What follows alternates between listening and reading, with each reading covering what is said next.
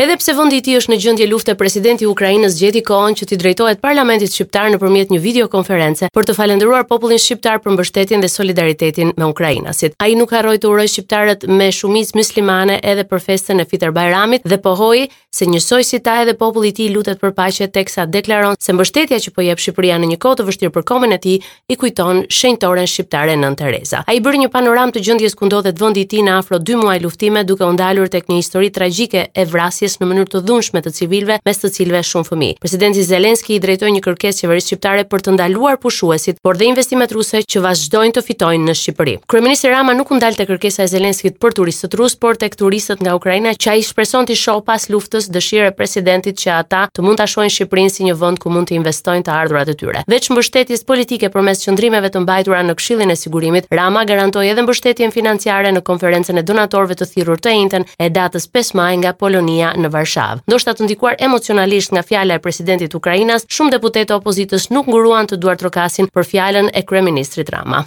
Shqipëria do kontribuojë për të mbështetur Ukrainën me një fond prej 1 milion eurosh në konferencën e donatorëve zhvilluar të enjten në Varshavë me iniciativë të kryeministrit polak dhe homologes së tij suedeze. Kryeministri Rama ka renditur në fjalën e tij angazhimin e qeverisë shqiptare për të mbështetur Ukrainën, mbështetje që sipas tij erdhi jo vetëm me armatime, por dhe duke i hapur dyert ukrainasve që i ikin sulmeve ruse mbi vendin e tyre.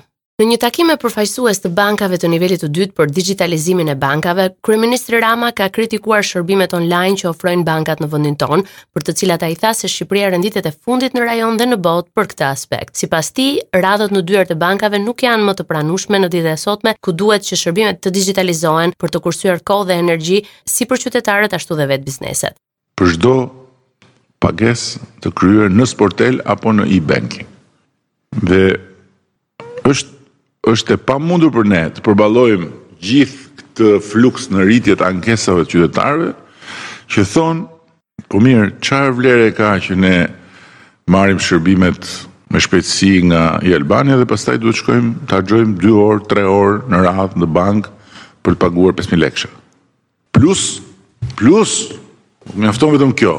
Po çdo pagesë që bën qytetari apo biznesi për një shërbim online që e merr nga qeveria menjëherë, banka e rikonsilon ditën e nesërme. Pra, ti mund ta kesh afatin sot për të bërë një aplikim, shtet, e bën tek e-Albania, e bën nga shtëpia, e bën nga telefoni dhe të djeg pagesa e bankës.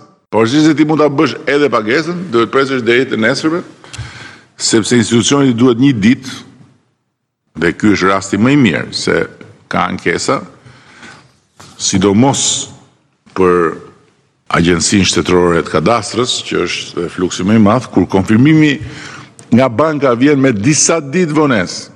Çfarë është kjo tani? Ku jetojmë në në në cilën kohë? Në shekullin e 20 jemi akoma në shekullin e 21. Kryeministri Rama është shprehur se ambicia e qeverisë është që brenda dy viteve të krijojë një sistem të inteligjencës artificiale si Siri. Kreu i qeverisë tha se në këtë mënyrë Qytetarët do të ndihmohen me zë derisa të mbarojnë punët. Rama mbylli fjalën e tij duke theksuar se kjo çështje duhet të marrë zgjidhje brenda disa muajve. Teksa palët politike janë në negociata për emrin e presidentit të ri në vend, sekretari i përgjithshëm i Partisë Socialiste Damian Gjiknuri ka thënë se ky proces nuk duhet të funksionojë me ultimatume për mazhorancën. I pyetur nëse do të kërkojë ndërmjetësimin e ndërkombëtarëve për zgjidhjen e presidentit, një kërkesë e bërë edhe nga disa zëra opozitarë, Damian Gjiknuri u përgjigj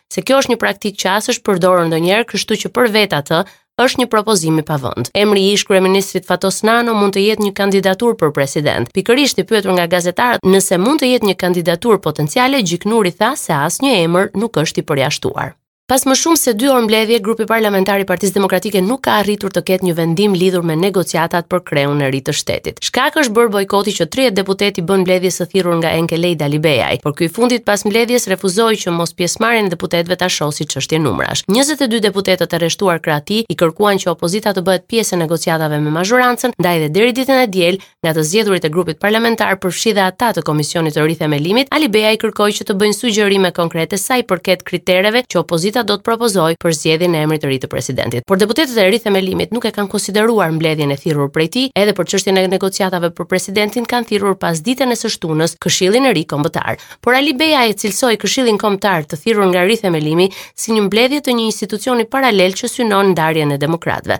Ndërkohë, deputeti Salianji, i cili mësohet se në mbledhjen me dyer të mbyllura ka akuzuar Alibeajn se po ndan demokratët, pas takimit deklaroi se kjo nuk ishte një mbledhje grupi, por vetëm një takim deputetësh.